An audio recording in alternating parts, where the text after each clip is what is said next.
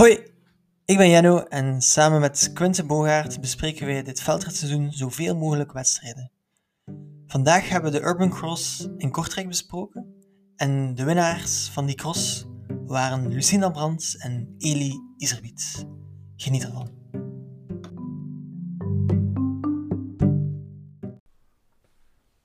Hoi, dag Quinten. Dag Jenno. Ehm, deze keer is het de Quaremont bier geworden dat we aan het drinken zijn. Ja, ja, ja, iets toepasselijk. Een beetje koers. En eh, de vorige editie, de vorige rit van de X2O badkamertrofee, dat speelde zich af op de Quaremont. Dus eh, om nog een beetje nostalgische sferen te creëren, een Quaremontje nu. Zeer toepasselijk. Schoon. Oh, heerlijk. Goed, vandaag was het eh, de tweede rit van de X2O badkamer trofee. Het was een prachtige dag. Toen ik opstond vandaag, scheen de zon direct en dacht ik, wauw, wat een amazing day.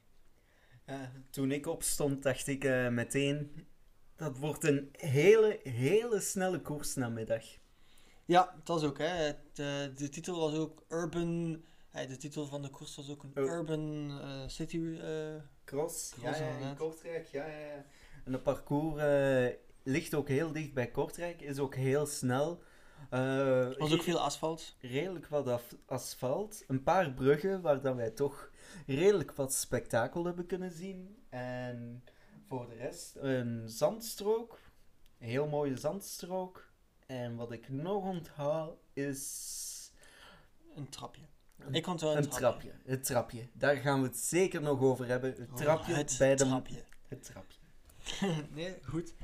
Ehm, we zullen beginnen hè, bij de vrouwen. Ehm wat dan mij meteen eh, in het oog sprong, is dat er heel weinig deelnemers waren bij de vrouwen. Dat heeft verschillende redenen, eigenlijk twee redenen. Eh, de eerste reden is dat er morgen de veldrit, de wereldbeker in Tabor plaatsvindt. En er waren al een paar dames, zoals Laura Verdanschot, Alicia Frank, ga zo maar door. Lechner. Eva Lechner, de Italiaanse, die eigenlijk al onderweg zijn naar Tabor, naar Tsjechië. De andere eh, deelnemers die morgen ehm, ook fietsen, die gaan nu vanavond met de camper of met de auto of met het vliegtuig naar Tsjechië. De andere reden dat er eigenlijk zo weinig volk was bij de vrouw is dat er eigenlijk, ehm vanaf dat de dames geen UC-punten hebben, mogen ze eigenlijk niet, eh, worden ze weerhouden om te starten. Nee, dat zorgde voor een eh, heel klein deelnemersveld met een dertigtal rensters. We hadden het bijna moeilijk om een eh, vijftiende renster te hebben met zo'n klein deelnemersveld. Maar we hebben een 15e renster gevonden. Later daar meer over. Ja. Eerst een beetje het wedstrijdverloop. Eh, het wedstrijdverloop was al een beetje zoals wij verwacht hadden en de, eh, de afgelopen ritten al eh, konden zien. Voor mij niet. De kop werd getrokken door Fem. Fem van, Van Empel, ja, Van Empel. onze vijftiende van, Van vorige week. onze 18-jarige trok de kop voor ja, de eerste ronde. Dat was Ja. toch wel een verrassing naar mijn mening toe. Ehm, nou, hoe denk jij daarover, Quinten? Ik vond eh, dat ze eh, ja, de positieve lijn van vorige week helemaal doortrok. En ze ja, was echt heel goed bezig. En eh, er ontstond al vrij snel een vrij grote kopgroep, vond ik. Met eigenlijk alle favorieten erin. Met eh, Worst, Alvarado, Kant, Betsema. eh, nee, wat zeg ik? Van Empel, Van Alphen. eh, Sannekant. ja, en Bakker. Bakker. Heb ik ze nu allemaal gezegd? Ik denk het wel. Ja, dat, wa- dat was ongeveer... eh, Dat ja, was ongeveer de kop gewoon. dat waren de hoofdrolspelers van de, de, de rit. Ja, ja. en ehm, om op de trappen terug te komen, het was al vrij duidelijk in de eerste ronde, in de tweede ronde ook. Ja. Alle rensters loopten op de trappen. Iedereen liep op de Ja. trappen. Maar één iemand niet. Nee, Sander Kant, eh, die liep niet op de trappen, die eh, sprong erop. En dat was toch wel opmerkelijk, omdat ze erg vaak sukkelde op die trappen, vond ik. En ze verloor toch wel wat tijd. Zeker naar de, de koers verder verliep, had ik het gevoel van... Sanne, stap nu af. loop op die trappen zoals alle anderen. Want ja, het duel met Manon Bakker was ze aan het verliezen op die trappen, vond ik. Die ze uiteindelijk verloren heeft. Ja. Ik merkte ook dat ze te veel de dranghekkers eh, aanraakte eh, met dat trapje. Waardoor ik denk dat misschien afstappen de beste optie was voor haar. Ehm, ja. was eh, mooi om te bekijken, maar ik denk inderdaad in het functie van de rit dat ze beter gaat kunnen afstappen af en toe. Voor de rest hebben we daarna een andere jonge renster gezien, Jara Kastelein. Die misschien al iets ouder is als Fem van Empel, maar die daarna vol doorgaf. En eh, dan hadden we ook onze eerste geloste van Alphen. Dan hadden we een duel. En wat ik opmerkelijk vond, het was weer een duel kant tegen Nederland. Waar dat Kant eigenlijk maar eh, niet de hoofdrol aan het opeisen is. Het was maar een bijrol, maar ehm, ze deed toch weer mee in de kopgroep, in de vrij grote kopgroep. Het eh, ja, was dan een kopgroep eh, ja, met de grote namen. En wat, ik ook, eh, wat mij ook opviel, veel eh, valpartijen.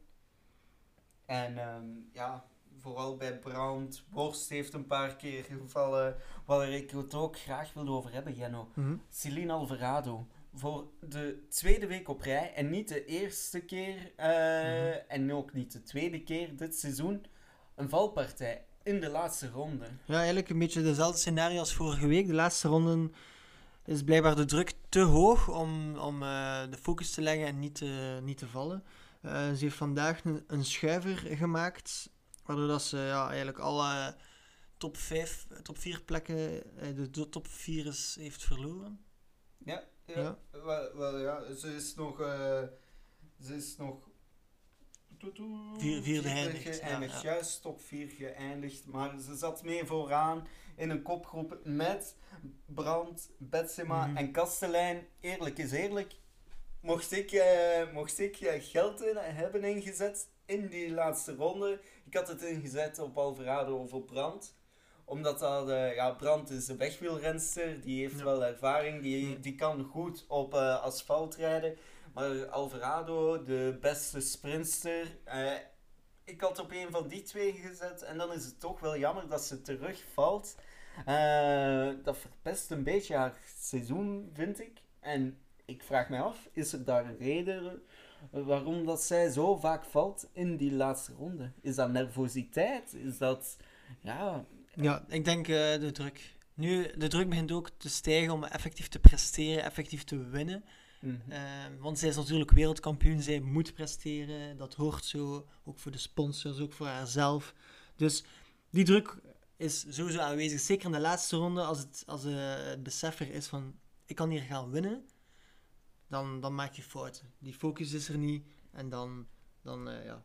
Ik kan, Wat mij ook opviel is dat Alvarado eh, veel meer risico in haar eh, rijden legt. Ja. Eh, ook die steile helling daar ehm, tegen het, in het midden van de rit. Daar, daar, ja, de andere rensters renden naar mijn gevoel vroeger af. Zij probeert nog veel verder door te rijden. Ook waar dat zij die schuiver heeft gemaakt, dat was ook een schuinkantje. Gaat ze ook heel snel naar beneden. Ze neemt wel die risico's. En 9 op de 10 keer levert haar dat een voordeel op in de rit. Maar dan, als de druk echt groot is, als het tempo nog de hoogte ingaat, dan komen er die foutjes. Ik denk dat wij echt nog uren kunnen doorgaan over een mogelijke reden. Ik denk dat wij eigenlijk moeten wachten tot als eh, Alvarado zelf bij de reden naar buiten komt. Misschien dat dat, eh, ja, zoals je zegt, die stress is die nu week na week enkel maar vergroot en dat die enkel opgelost kan geraken door eens te winnen. ja, ik ben zeker bediend naar morgen, naar de Wereldbeker in Tabor. Eh, wat, zij, wat zij daar gaat presteren. Hè. Gaat ze weer de laatste ronden eh, ja, de, de bijl moeten neerleggen door gemis aan focus. Het zijn toch wel de belangrijkste wedstrijden voor een veldrijdster. Ja. Die wereldbekers. En eh, focus, dat is juist iets wat eh, de rensters die vandaag in Kortrijk hebben gereden, juist volgens mij nog minder gaan hebben. Omdat ze eh, die, ja, die, die overtocht naar Tsjechië nog moeten maken. Ja, kan, kan niet gemakkelijk zijn. Kan niet het beste recuperatieproces zijn ooit om met een camper naar Tsjechië te rijden. lijkt mij, lijkt mij. Eh, qua eh, recuperatie denk ik dat dat nog wel gaat meevallen, want dat zijn natuurlijk profrensters met een eh, heel groot recuperatievermogen. Die recupereren heel snel. Wat mij vooral, ja, gaat, wat vooral parten gaat spelen is de gebrekkige voorbereiding. Andere rensters, zoals we al eerder aangehaald hebben, die zitten daar al. Die zijn zich al volop aan het voorbereiden. Die kunnen het parcours verkennen. Die kunnen hun rust nemen. Die kunnen eh, vooral hun mentale rust nemen. Die focus waarover jij sprak bij Celine Alvarado, ja. Die heb je niet als je met, eh, van alles. En we moeten nog naar daar raken. En we moeten zorgen dat ons materiaal in orde is. En we moeten zorgen dat dit en dat en dat klaar is voor die rit van morgen. Dat is een heel hectisch gedoe. Ja, nee, inderdaad. Eh, we zullen het zien morgen. Ik ben alleszins benieuwd. Ik ga Ja. alleszins kijken. We gaan morgen geen podcast opnemen. Nee. Omdat we ook natuurlijk een ander leven hebben. Buiten podcast opnemen. Ehm, de laatste ronde herinner ik me dat we tegen elkaar zeiden. Toen er een groep van vier was. Betsema, Kastelein, Celine en Brandt. Wie gaat er winnen? Ik zei ja, Betsema uiteraard. Zij is mijn favoriete renster. Jij zei iets anders. Ik zei Jara Kastelein, puur omdat ik eigenlijk meestal voor de underdog supporter. Ja. Was En- het alleen omdat ze een underdog is, of had er andere reden dat je voor Jara Kastelein koos? Eh, eerlijk gezegd, nee. Het, eh, het was puur dat underdog gevoel. We moeten eerlijk zeggen, Jara Kastelein heeft ons verrast, heeft veel toeschouwers verrast. Ehm, ze, ze reed met de toppers mee, ze reed voorbij sommige toppers, ze maakte heel weinig fouten, was heel constant. Maar bij die vier ging ze wel regelmatig aan de rekker. Ik had het gevoel, als het nog net iets sneller gaat, gaat ze moeten lossen. Hoewel ze een fantastische rit achter de rug heeft.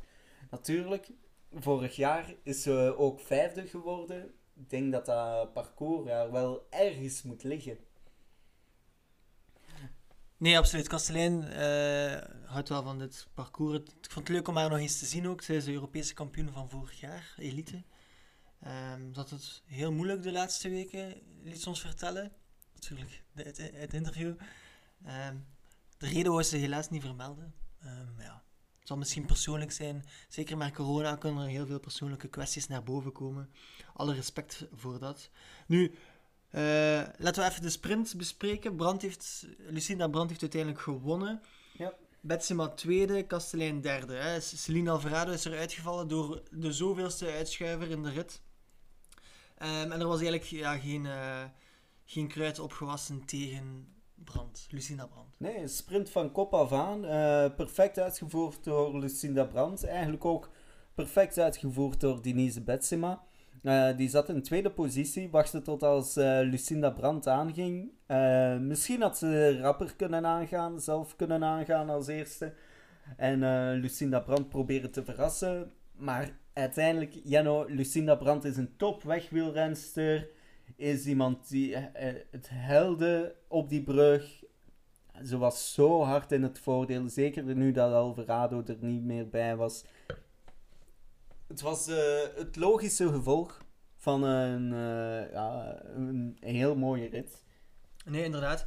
En ehm, Niet te vergeten, Jano, ze heeft vorig jaar ook gewonnen, hè, Lucinda Brandt. Dus als wij spreken over een parcours dat u ligt, hmm, dat ja. parcours moet Lucinda Brandt zeker liggen. Ik zei ook vorige week dat, eh, dat zij een outsider was. Ik moet mijn woorden daarvan terugtrekken. Ze heeft toch wel bewezen dat het niet waar is. Nee, nee, nee. Absoluut. Ehm, enkele opmerkelijke zaken in, het in de uitslag is dat Fem van Empel 18 jaar 2002 geëindigd is op plek 5 op maar 40 seconden. Hè? Ja, ja, ja. We, we hadden het er eh, in het begin Ja. van de podcast over als Fem van Empel eh, in de eerste ronde op kop zat. Ze heeft eigenlijk heel de rit volop meegedaan met de kopgroep. In het begin, na haar kopbeurt, dacht ik even van, ja, nu gaat ze moeten lossen. Ze zat een beetje van achter. Er, eh, de kopgroep brak. Maar zij sloot wel altijd aan bij een achtervolgend groepje dat volop aan het rijden was. Dus eh het was heel opmerkelijk. Deze rit was ze de Joop Zoetemelk. Wel, Ik weet niet of dat ik dat mag zeggen, nee. Ehm, en ze heeft Horst, eh, Anne- Annemarie Worst achter haar gelaten. Hè? Ondanks waarschijnlijk de pech die ze heeft gehad. Maar Annemarie Worst. Ik weet dat in bepaalde ritten eh, de prijs wordt uitgedeeld voor pechvogel van de rit. Ik weet niet, er waren zoveel pechvogels vandaag. Worst. Eh, Worst was ook de grote pechvo een van de grote pechvogels. Mhm. Als we spreken over Alvarado, haar uitschuifers. Annemarie Worst heeft er ook een paar gehad. Hoewel, in vergelijking met de vorige ritten die wij besproken hebben, vond ik nu dat Worst heel sterk voor de dag kwam. In het midden van de race dacht ik even dat ze kans maakte om te winnen. Wat dacht jij? Ehm, nee, nooit van overtuigd geweest. Fem van Empel vind ik nog te jong. Eh, Nee, Annemarie Worst. Hè? Ah, Annemarie Worst, ja. Ehm goh. Eh, uiteraard de kans, maar de pech heeft daar genekt. Eh, Eh, eerste Belg in het klassement. Uiteraard, zoals altijd, Sanne Kant, ja. Sannekant. Die prijs heeft ze wel binnen. Ik denk eh, dat eh, wij naar een heel saai Belgisch kampioenschap eh, gaan zitten te kijken. Tenzij dat Laura Verdonschot ons gaat verrassen. Ik denk ook wederom dat Sannekant eh de Belgische trui gaat bemachtigen. Voor de zoveelste keer. Ik denk dat, dat ze al negen keer aan een stuk elite Belgisch kampioen is. Zou kunnen. Ehm, Zoiets. ja, we, we hebben wel nog een Ellen van Looy die elfde eindigde. Maar zoals eerder gezegd, in een beperkt deelnemersveld. Nee, inderdaad. Dat is altijd eh, een beetje jammer. Nog een laatste opmerking eh, dat ik heb over de klassement is dat er eigenlijk twee eh, of meerdere rensters zijn die over, van over de oceaan komen. Twee vrouwen van Amerika en dan zag ik op het einde ook nog een Canadese. En dan denk ik, wow, in tijden van COVID, in tijden van corona, toch naar hier gaan om, om je sport uit te oefenen. Kan alleen maar veel geld kosten, denk ik. En ja, Maar die, die rensters en renners die van zo ver komen, die beseffen ook maar al te goed dat als ze echt aansluiting willen maken met de wereldtop, eigenlijk een beetje zoals eh, de Spanjaard, de Spaanse kampioen Orts, eh, onlangs in een interview zei. Voor de mannen, hè. Ja, beide mannen, Orts rijdt beide mannen. Ja, zoals hij zei, als ik wil aansluiten bij de top, als ik echt wil meedoen voor de prijzen, dan moet ik naar België komen om ritten te rijden. Dan moet ik in, Mhm. in Nederland ritten rijden. Dan moet ik tussen al die toppers mij manifesteren. Nee, inderdaad, want ik kan aan de andere kant ook in Spanje blijven en daar dan elk jaar nationaal kampioen worden, alle lokale ritten winnen. Maar uiteindelijk op wereldniveau staat daar heel weinig voor, dus ik snap zijn gedachtegang. Ja, tuurlijk. En ik denk dat de meisjes vandaag, zoals Kinnock en eh, West en anderen, eh, juist dezelfde mening delen als Orts en naar hier komen om beter te worden. Ze zijn welkom. Ehm Jara Kastelein is eerst in het klassement. Ze doet het toch, hè? Ze doet het toch maar. Ja, ja. eh, eh, zowel ja, vandaag als in het klassement blijft ze verbazen, want ook op, ja, in de vorige rit was zij tweede in dezelfde tijd van eh Annemarie Worst. Mhm. Dus dat is eh, heel opmerkelijk. Ja. Ik denk de kracht van eh Kastelein Jara is dat zij heel consistent is. Wel, ik, ik, moet, ik, ik vind persoonlijk dat ze dit seizoen iets minder consistent heeft. Dat heeft natuurlijk te maken met de terugkeer van een Denise Betsema, met een Lucinda Brandt die meer ritten rijdt, met, met een ja, Fem van Empel die komt piepen. Dan is het ook natuurlijk moeilijker om die topplaatsen in de eindklassering te bemachtigen. Zeker in de X2O badkamertrofee rijdt ze heel constant. En voor mij is zij op die manier een eh, kandidaat eindwinnaar. Nee, volledig mee akkoord. Ehm Quinten, wie was de vijftiende renster van vandaag? De vijftiende renster van vandaag was eh, voor de verandering een Hollandse, een Nederlandse. Eh, het was eh, Suzanne Meijstrok. Suzanne Meijstrook, een, ook een jonge renster van 21 jaar.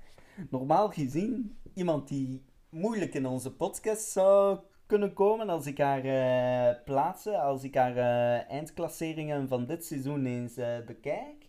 Dan eindigt ze, finish ze vaak door rond de 30ste plaats. Ze was voornamelijk een eh, zeer degelijkste renster eh, bij de junioren, waar ze Ja. geregeld won. Ze heeft inderdaad eh, nationaal kampioen geweest bij de junioren. Ja.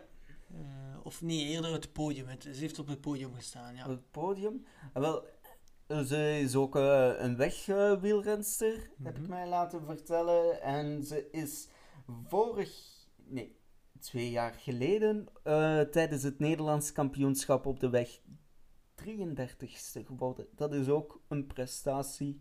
Dat wil toch ook wel zeggen dat je redelijk hard met de fiets kan rijden. Ja, het is een beetje van alle markten thuis, eh, ons Suzanne. Ehm, ja, Eh, ik heb nog een weetje over Suzanne. Ze eet heel graag spaghetti. ben je bij haar thuis geweest? Ik ben niet bij haar thuis geweest, maar Suzanne heeft haar favoriet gerecht gedeeld op, een, ja, op de website van haar ploeg, of haar toenmalige ploeg. En eh, bij deze ben ik te weten gekomen dat zij graag spaghetti eet. Wat is jouw favoriet gerecht, Quentin?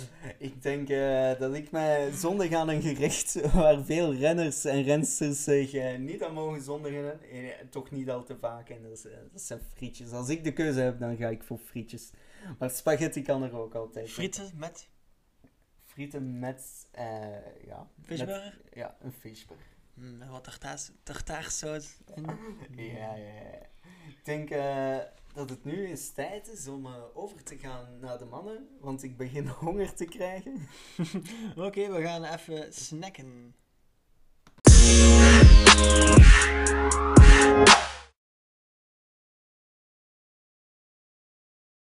Hoi, welkom terug. Quinten en ik hebben beetje nachos met tapenade gegeten. En we hebben ook ons bier ververst door een nieuw biertje. Het is eh, bier Victoria. Wordt eh, de laatste tijd veel reclame over gemaakt. Wij sponsoren die trouwens niet, eh, voor alle eerlijkheid. Maar het is wel een lekker biertje. Ja, ja, ja. En wie dat vandaag Victoria mocht kraaien, dat was eh Eli Iserbiet. Laten we het terug over de cross hebben, Jenno. Absoluut, Eli Iserbiet heeft gewonnen vandaag. Het was een mooie strijd. Maar we moeten bij het begin beginnen, zoals altijd. Grootste blikvanger van vandaag was Wout van Aert. De winnaar van Milaan Sanremo. De winnaar van Strade Bianche. Eh, de tweede van de Ronde van Vlaanderen. En niet te vergeten, veel mensen vergeten dit, maar Wout van Aert is 20ste geëindigd in het eindklassement dit jaar. Dat is toch ongelooflijk. Er zijn eh, renners bij in de Tour de France die echt daarop trainen om een twintigste plaats te kunnen behalen in dat Ja. eindklassement. Absoluut. En hij gewoon in dienst van... In Chic. dienst van, hè. Inderdaad, inderdaad, inderdaad. Het is zo gek, zo gek. Maar deze, ja, wielerfenomeen, deze legende, was vandaag terug te vinden in de Urban Cross in Kortrijk. Ja, en ik zei vorige week dat ik niet snapte dat mensen 10.000 euro besteden aan Wout van Aert. Na vandaag moet ik ook mijn woorden terugnemen. Wout van Aert is 20.000 euro waard. Ja. Startgeld maal 2. Voor de nieuwe mensen in de podcast, het startgeld voor Wout van Aert in jouw koers te krijgen is bedraagt 10.000 euro. Vandaar eh, dat we hierover eventjes afwijken. Nu, ehm, wat ik ook direct op, eh, dat mij direct opviel, is dat er een tweede rijder van de Jumbo Vista was. Jumbo Vista is de ploeg van Wout van Aert, maar er was ook een tweede renner aanwezig hiervan. Wie is dat? Tim van Dijk. Tim van Dijk is een eh, belofte renner bij Jumbo Visma. En eh, hij is vandaag eh 25ste geworden. Hij is 20 jaar. En ja, ik vind dat toch wel opmerkelijk zo, die Jumbo Visma truien in het veld. Ik vind dat iets hebben. Wat vind jij ervan? Zo die eh veldrit, eh, die wegwielrenners truien in het veld. Ja, dat is toch wel speciaal, hè? Dat is Ja. toch... een, een, een rare illusie. ik, vind, het- ik vind het wel mooi. Ik vind het wel mooi. is hetzelfde mocht eh, de Koning Quickstep in, in het veldrit... Dat is binnenkort zo, hè? met, Met, met eh, ik weet niet of dat... Remco Evenepoel? Remco Evenepoel gaat nooit in het veld kijken, denk ik. Die heeft zijn andere prioriteiten. Maar Janik Stibar, die heeft inderdaad in de trui van de Koning Quickstep al... eh, of toen in de tijd eh, hadden ze nog een andere naam. Maar die heeft in een Quickstep trui inderdaad in het veld Mhm. gereden. Ja, dat is inderdaad heel bizar.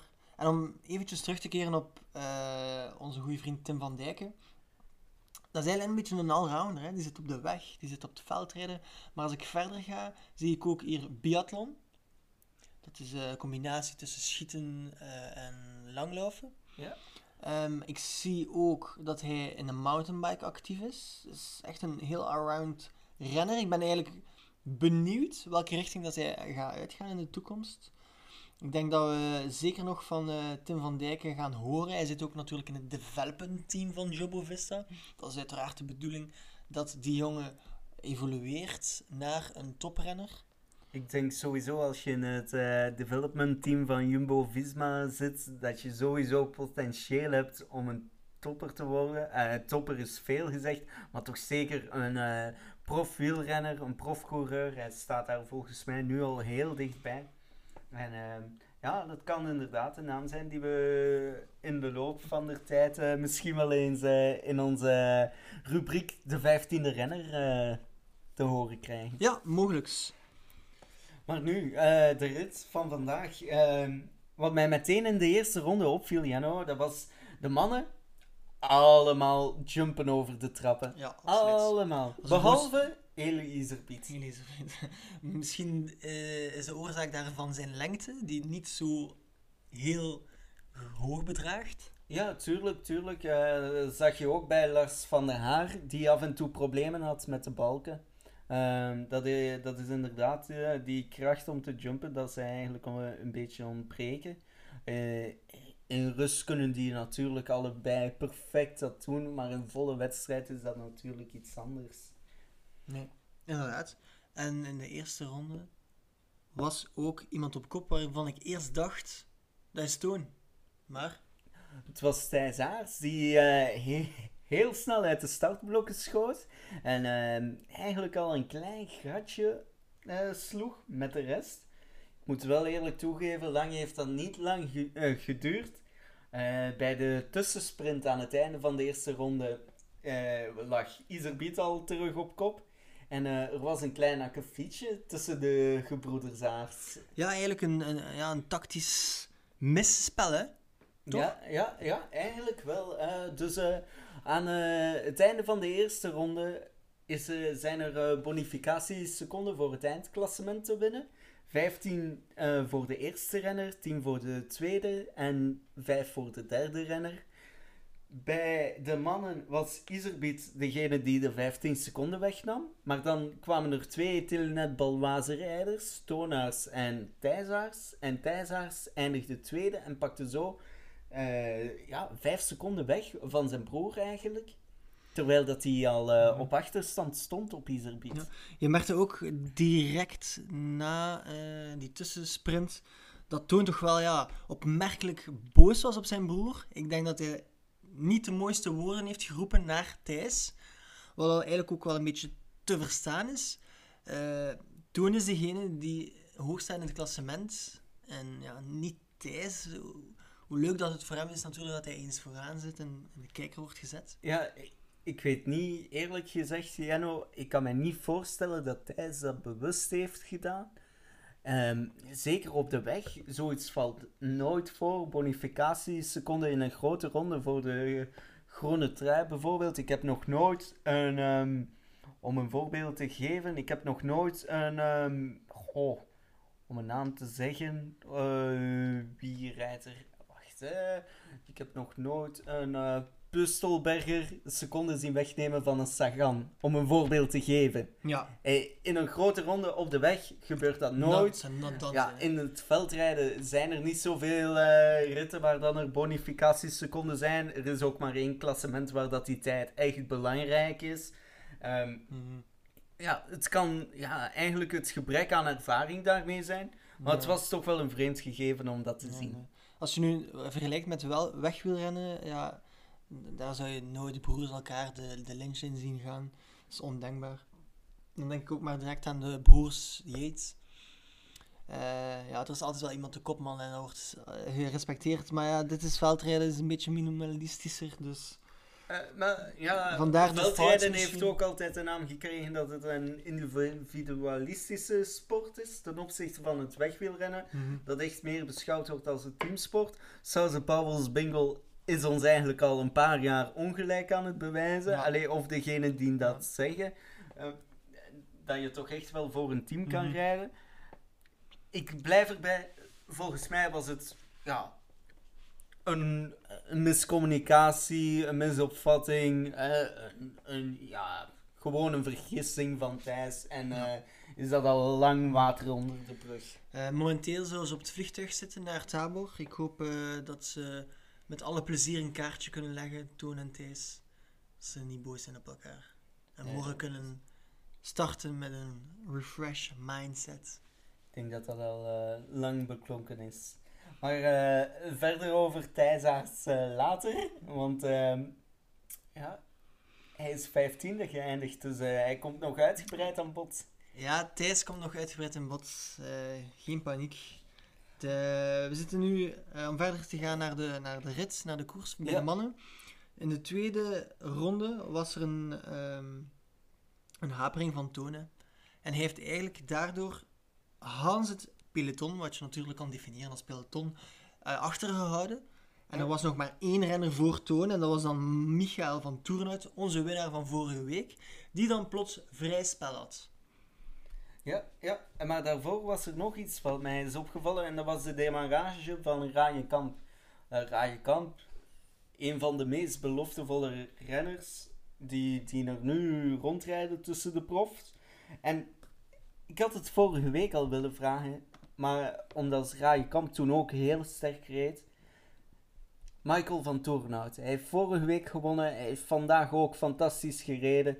Maar er zit daar nog een Eliezer die vandaag gewonnen heeft. Er zit daar nog een Laurens Week die eh, regelmatig rijdt en in die mooie driekleur rijdt. Er zit daar een aankomend talent als Ryan Kamp. Michael van Toornout, toprenner tot en met, topprof. Maar hoort hij wel nog thuis in die ploeg? Zou hij niet beter tot zijn recht komen in een ploeg als Telenet Balwaze, waar hij meer zijn eigen kans kan gaan? Michael? Mm, niet akkoord. Nee, nee, nee, nee, nee. Want uiteindelijk is Telenet Baloise ook eh, de elan aan het verder gaan van een ploeg te, te zijn. Zij zijn een beetje Paul Sauzen aan het kopiëren op dat vlak. En dan spreek ik nu vooral over van de Lars van der Haar en uh. Ja, maar in mijn opinie is een Michael van Toornhout een veel betere renner dan een uh, Lars van der Haar. Met alle respect voor de carrière die Lars van der Haar heeft gehad. Hij is ook al 30. En heeft. Hij heeft ook, maar hij is ook al 30. Die gaat niet eindeloos lang meer uh, crossen. Daar is er wel ruimte. Corné van Kessel is weg. Quinte Hermans is weg. Buiten Toon Aerts, wie heb je daar nog zitten? Je hebt daarvoor met het oog op de toekomst Thibaut Nijs, maar en nu nog Lars, uh, uh, Lars van der Haar. Maar voor de rest is er daar nog wel ruimte in mijn oog voor een echte kopman. Terwijl dat de plaatsen mm -hmm. bij, uh, bij Sousa mm -hmm. Bingo in mijn opinie veel duurder zijn. Nee, ja. Nee, moeilijke, moeilijke discussie. Uh... Ik denk dat dat vooral iets is wat uh, Michael van Toornout zelf aan het einde van het crossseizoen uh, moet, ja, eens moet over nadenken en zelf dat, de bedenking moet maken waar dat hij het best zit. Ik denk dat Michael van Toornout daar inderdaad goed over moet nadenken, dat het niet zo'n Kevin Paul scenario wordt. Um, als, in, als in soms winnen, maar nooit echt de kopman zijn en uh, daardoor veel opportuniteiten voor zijn neus zien weggegrijpt worden. Ja, Want dat is denk ik wel wat bij Kevin ja. Pauls is gebeurd hè, in zijn carrière. Maar ja, dat is waar, dat is waar. Maar zoals je dan zei, vandaag, dat foutje van Toon, die uh, zijn kruis, uh, stuur kruist met dat van Rayenkamp, waardoor Michael van Toornout kan wegglippen. Dat er dan niemand echt achter eh, Michael van Toornout rijdt. Behalve een Corné van Kessel en een Lars van der Haar die niet echt dichter komen. Ja, dat is dan ook wel de verdienste van in die Southern Powell's Bingo ploeg te zitten. Want Ja. dat was ook wel zo. Michael van Toornout ging weg. Corné van Kessel en Lars van der Haar probeerden het gat te dichten in de achtervolging. Maar het lukte niet. De voorsprong van Michael van Toornout groeide. Werd Tot 30 seconden. Hm. tot een halve minuut, inderdaad. En dan, ja, de pech. Ja, inderdaad, de pech van, eh van. Hè. Dat heeft, ehm, ja, een lekke band was het. Ja. Ze heeft dan volledig de das om gedaan. Hè. Ik denk eigenlijk effectief dat eh, Michael zou kunnen gewonnen hebben. Ik, eh, Uh, zonder de lekke band, want we Ja. moeten er ook wel rekening mee houden op het moment, eh, de ronde, dat eh, Michael van Toornout ja, een lekke band heeft, zit Wout van Aert al op kop en zit de voorsprong al te verkleinen. Want Wout van Aert was eh, heel rustig gestart, heeft langzaam zijn eh, weg gezocht naar eh, het groepje met Lars van der Haar, Corné van Kessel en Eli Iserbiet. Maar eenmaal op kop, hij heeft een versnelling geplaatst op een van die bruggen. En dat was echt furieus. Dat was echt meteen eh, waar voor ons geld. mhm. ja. Nee, inderdaad. Ja. Zou, zou Wout van Aert volgens jou het gat hebben kunnen dichten op Michael van Toornout als Michael van Toornout niet was lek gereden?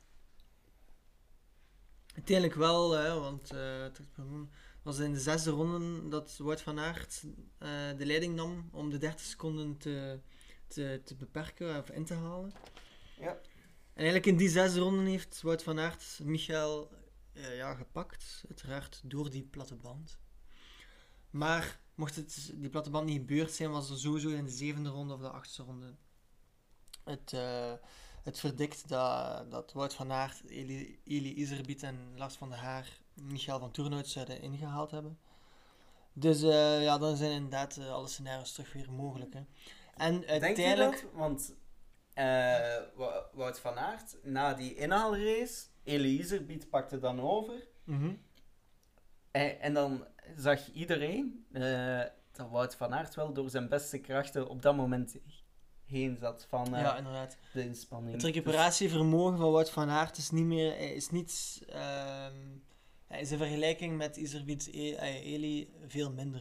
Dus- Hm. En, en dat is het geweest waarom dat Wout van Aert na die inspanning daar eh, ja, eh, op heeft in- ingepikt. Ja, en ook de foutjes die Wout van Aert maakte eh, op die helling dan, waardoor dat Eli Iserbiet een eh, gat van 5 seconden kon slaan. Ja, dat, dat merk je gewoon, want eigenlijk, Hm. Wout van Aert maakte die op de schuine helling, maar een helling verderop maakte Eli Iserbiet ook een foutje. Het verschil was, Eli Iserbiet corrigeerde zo snel dat dat bijna geen tijdverlies opleverde, terwijl Mhm. dat foutje van Wout van Aert ook een klein foutje 5 seconden opleverde. Eh, Dat is dan ook eh, volgens mij een gebrek aan, eh, aan wedstrijdritme. Of, Ja, wedstrijdritme ehm, en recuperatievermogen zijn de twee factoren waarom dat Wout van Aert niet heeft gewonnen vandaag. Ik ben er eh, 100% van overtuigd, met meer koersritme, dat Wout van Aert weer eh, ja, de toren, de, de, de vlag van de eerste plek eh, zal, meerdere keren zal veroveren. ja, ja, ja, tuurlijk. Want je zag het echt, de laatste ronde was het op. Hij vroeg dan ook aan Lars van der Haar om over te nemen. Die snelde dan nog uiteindelijk weg bij Wout van Aert. Mhm. Ik denk eh, zeker die zesde ronde, als Wout van Aert op kop reed, dan eh, mocht eh, Lars van der Haar een kruisteken maken dat hij nog aan de rekker ging. Want Ja. het was echt alle zeilen bijzetten. Hij Ja. zat er echt bijna door. Lars van Haar heeft ook de functie als Joop Zoetemelk volbracht in dit, in dit verhaal. Eh, er zat niet meer in dan gewoon uh, wildjes zuigen, denk ik. Het ging ook heel snel, hè. was inderdaad, ja, het was eh verschroeiend snel. Toonaerts is daardoor nooit dichter gekomen. Misschien kunnen we nog even zeggen hoe dat de race van Toonaerts is verlopen, want dat is toch wel ook een van de grote tenoren. Ja, een zeer onfortuinlijk verhaal eh, bij Toon. Ehm, hij was toch wel mee op weg naar de kopgroep, ondanks een heel slechte start. Eh, hij had een, de start was redelijk, maar dan had hij de pech dat hij in het stuur haakte van Ryan Kamp. En daarna nog een eh, lekkage aan de voorste band. Dus eh, heel veel pech Mhm. voor Toon Aert, waardoor dat hij achterop ging. En de inhaalrace eh, verliep moeizaam. Hij maakte dan bijna aansluiting met het groepje Iserbiet, Van Aert, Van der Haar en Van Kessel. Maar dan kwam de demarrage van Van Aert en dan is, er, dan is hij er eigenlijk nooit meer bijgekomen. Nee, inderdaad. En ondanks dat hij de laatste ronde toch nog in de top 5 eh, zich begeefde, is hij toch maar achtste geëindigd. Ik, eh, ik weet eigenlijk niet meer, ik weet niet meer waarom. Had hij nog een lekke band of was, was al het... eh, misschien heeft hij te veel gegeven, hè? dat was onze conclusie. Hè? Dat zou Ja. zeker kunnen dat hij te veel gegeven had. Het was echt voortdurend achter de feiten lopen voor. Ja, Ik denk dat het ook mentaal een heel frustrerende race moet zijn geweest voor Toon Aert. Ja, in, in, in heel veel opzichten. Hè? Ja, ja. Eh, eerst dat voorval met zijn broer, dan, dan al, al die pech. ehm, dan heel veel moeten. eh, een hele inspanning moeten Ja. doen om terug te komen. En hij, ging, hij was er bijna bij. Hè? En dan. Ja, natuurlijk. eh, zelfs heroes hebben zwakheden. Ja, natuurlijk. Eh, Het was een fantastische race. En ik denk dat een toonaars die zonder de pech, dan ja, kon hij toch zeker volgen met uh, Elie Iserbiet en eh, Wout van Aert en Lars van der Haar. Mhm. Ja, en dus Elie heeft gewonnen. onze kerstverse Europese kampioen. En daardoor staat hij ook aan de leiding bij het klassement. Ja, want vorige rit had hij ook ruimschoots gewonnen in de X2O badkamer trofee. Hij vergroot enkel zijn eh, voorsprong. Ik denk eh, ja, dat dat klassement heel moeilijk gaat worden voor de concurrentie. Lars van der Haar staat tweede op 1 minuut 20. Zie jij Lars van der Haar of Toonaerts die op 2.33 staat, dat nog goed maken? Alleen mits Elie eh, niet finished. Ja. Want dan eh, zijn er vijf minuten na zijn broek. ehm, en dan, dan is er wel natuurlijk wel een kans voor Toon of Lars. Maar als Elie geen pech heeft, denk ik, denk ik niet. Er zijn natuurlijk nog zes manches. Oké, ja. Maar ja, 1,20 en 2,33 op een Eliezer bieten vorm. ja ik denk is niet dat dat zo makkelijk gaat zijn. Een moeilijk verhaal. De vijftiende renner is Thijs Aerts, de broer van Toon Aerts. Eh, we hadden hem al eens vermeld eh, eerder in de podcast, omdat hij de eerste ronde ehm, zich. Superman waande. Wie is... En ook op Superman leek. Zijn startsnelheid was fenomenaal. Ja, absoluut. Wie is Thijs? Vertel eens, Quentin. Wel, eh, Thijs, bij het grote publiek is hij natuurlijk het broertje van, maar hij is veel meer dan dat. Hij is ook op en top eh, een profrenner. Hij is 24 jaar, dus nog vrij jong. Zijn eh, beste prestatie dit seizoen eh, goh, varieert zo rond de vijftiende plekken. Dus het is iemand die wij regelmatig in onze podcast kunnen te horen krijgen. Vorig jaar heeft hij twee kleinere veldritten gewonnen. En eh, vorig jaar werd hij in Zolder ook voor het eerst, eh, is hij voor het eerst voor zijn broer geëindigd in de wereldbekermanche. Ik heb hier ook een artikel van gevonden dat eh, hij in 76 wedstrijden met Toon Aerts één keer heeft gewonnen. En dat zal inderdaad in Zolder geweest Eén zijn. keer voor zijn broer geëindigd. Ja, Dus, ja, ehm, voor zijn broer, ja, ja. Een primeur. Ben benieuwd wat dat de toekomst voor Thijs eigenlijk in petto heeft. Ik denk dat Thijs een eh, zeer degelijke renner kan worden. En ik denk dat eh, als eh, de broers nog beter op elkaar afgesteld worden, zoals vandaag de dag, Mhm. dat hij een zeer, ja, in functie van zijn broer of in functie van andere renners, een super ja, knecht in het veld kan Ja. zijn. Ja, ze kunnen hier alleen maar voordeel uit putten, hè, denk ik dan. Dan denk ik ook direct aan de broer Schleks. Schlecks van vroeger en de Tour de France. Dat was ook een absoluut voordeel dat ze elkaar hadden. Ja, er zijn, er zijn nog eh, voorbeelden, ook recentere voorbeelden, zoals je eerder aanhaalde, de gebroeders Yates. Ja. Eh, in de afgelopen Tour de gebroeders Izagirre die elkaar aan een rit... Allee, Ja. die... Ja, eh, het was Dion die won, maar het was wel Gorka die ermee voor zorgde dat hij die rit kon winnen. Ja, zo merk je wel van broers in de koers, die doen net iets meer voor elkaar doorgaans. Mhm. Zoals we, ik al eerder zei, volgens mij was dat gewoon een stom misverstand en is dat, was dat echt niet opzettelijk van Thijs om Nee. voor zijn broer te eindigen. Ja, nee. ehm, om nog een keer, eh, ja, om terug te keren op Thijs Aerts. Hij is wereldkampioen geworden in 2014 bij de junioren. Dat is een trui dat Toon Aerts nog nooit heeft kunnen bemachtigen. Dus op die manier, eh, ja, stijgt hij toch wel niet over Toon, maar misschien wel gelijk met Toon, omdat hij wel een wereldkampioen trui in zijn kast heeft liggen, Ja. Thijs. In de jeugdcategorie. Ik denk dat het bij de profs nog net iets anders eraan toe gaat. Met alle respect voor Thijs Aerts. Maar ik denk dat Toonaerts eh, tot de Belgische top kan gerekend worden. En dat eh Thijs Aerts een eh, op en top Belgische prof is. die zeker zijn plek heeft in het veld. Nee, inderdaad. Ehm, maar ik denk persoonlijk dat er nog potentieel in zit in Thijs dat hij nog kan verbeteren. 24 jaar, ja, vol- volgens mij zit er daar zeker nog potentieel in. Als je hem ook zag starten, als hij, oké, misschien niet zo furieus start, maar als hij, ja, dat tempo kan, langer kan aanhouden, dan kan hij zeker, ja, eh, eh, nog een belangrijke rol spelen. In het veldrijden. Ik hoop het, ik hoop het. Zou wel mooi zijn, hè? Het Thijs en Toonaard. Een broerenduel voor een winst in een cross. Dat zou fantastisch zijn. Ja, nee, inderdaad. Ehm, een, nieuwe, een nieuwe aspect dat we meenemen in de podcast is dat we een beetje vertellen over de geschiedenis van ehm, de koers, van de, eh, van de rit. Maar. eh, We hebben ja, er dan de ideale cross voor gekozen. Een cross die twee jaar bestaat, Jenno. Dus inderdaad, er is heel weinig geschiedenis over te vertellen. Alleen maar dat Mathieu van der Poel vorig jaar hier heel hard de leiding heeft genomen. En bij de vrouwen dezelfde winnaar als deze keer, Lucina Brandt. Wat, wat ik wel nog opmerkelijk vind, Elie Iserbiet, vorig jaar pas vijfde. Ja, pas vijfde. Ehm, wat ik ook nog opmerkelijk vind, Quinten, is dat Corne van Kessel vierde is geëindigd en vandaag is hij zevende geëindigd. Dus moet wel zijn dat Corne van Kessel zich thuis voelt in Kortrijk.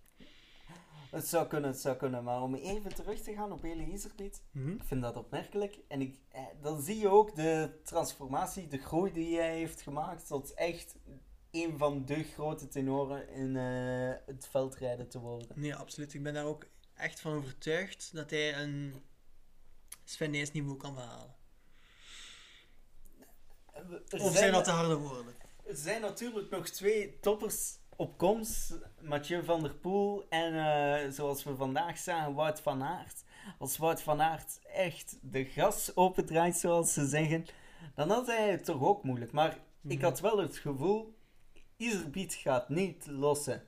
Bij, bij, bij Van der Haar had ik wel dat gevoel. Dus dan merk je van, ja, er zit wel groei op Iserbiet. Eh, en er zit ook nog groei op Iserbiet. Iserbiet is nog een vrij jonge renner. Ja, inderdaad. Ook eh, ergens begin de 20. De, dus ja, Ja, eh Eli is 23 jaar, is van 1997. dat is inderdaad nog vrij jong. Oké, jong, Wout ja. van Aert is ook niet oud. Mathieu van der Poel zijn ook nog ergens midden de 20. ehm. Geeft al aan dat er wel potentieel is voor Eli, want ik denk voor wielrenners eh, ben je aan je top op je eind 20 jaar. Ja, ja, ja, tuurlijk, tuurlijk. Maar ja, die eh, concurrentiestrijd met Wout en Mathieu gaat natuurlijk nog even duren. Zeker als Wout en Mathieu er blijven voor kiezen om een eh, aantal belangrijke ritten in het veld eh, te doen elk Ja. jaar. Over Mathieu gesproken, wanneer komt hij terug? Mathieu komt eh 12 december terug in het veld, als ik mij niet vergis. Weet je van buiten waar? Weet ik net Nee, niet. nee, ik denk probleem. dat het een wereldbekermanche was, maar ik kan mij vergissen. Nou, dat lijkt me logisch, omdat hij ook natuurlijk wereldkampioen is en daardoor automatisch heel wat UCI-punten heeft gesprokkeld en een goede startplek zou hebben. Ehm Quinten, de rit morgen, Tabor, wereldbeker in Tabor. Ja, daar moeten we het ook nog even over hebben. Het is eigenlijk ons eerste dubbelweekend. Ehm voor, voor verschillende renners en rensters is de dubbel geen probleem. Maar er zijn wel een aantal stemmen die zeggen van de afstand van Kortrijk naar Tsjechië, dat is er een beetje te veel aan. Pronostiek morgen? Pronostiek voor morgen. Ehm, bij de vrouwen eh, verwacht ik een, eh, een eh, ja, gemotiveerde Alvarado. En Mhm. ehm, ze is heel constant. En met alle pech zie ik haar wel winnen. Bij de mannen verwacht ik eigenlijk een eh, duel tussen een... eh, ja, het zal een beetje afhangen hoe dat Wout van Aert recupereert. Maar ik zie een duel Wout van Aert eh, in eh, ja, strijd met het eh Sauze Pauwels Bingo blok. En natuurlijk nog Tonaars als outsider. Eigenlijk de verwachte namen. Maar als ik één naam moet kiezen, bij de mannen Elise Piet. Oké. Bij mij, bij de mannen Wout van Aert, bij de vrouwen mijn favoriete renster Denise Betsema. Is er nog een motivatie daarvoor voor uw keuze of gewoon een gevoel? Dit is puur gevoelsmatig, Quinten. Ik, eh, ik heb hier geen eh, wetenschappelijke eh, basis onder gelegd. Het is puur aan mijn buik. Het zijn natuurlijk ook twee, een renner en een renster die vandaag een fantastische prestatie hebben neergezet. Ja, dus wij kijken uit naar eh, morgen. Ja. We kijken ook uit naar volgend weekend voor een nieuwe podcast. Ja, en we kijken ook uit naar eh, de week daarna als Mathieu terugkomt. Ja, oké. Veel om naar uit te kijken dus. Bedankt om te luisteren alvast en tot volgende week.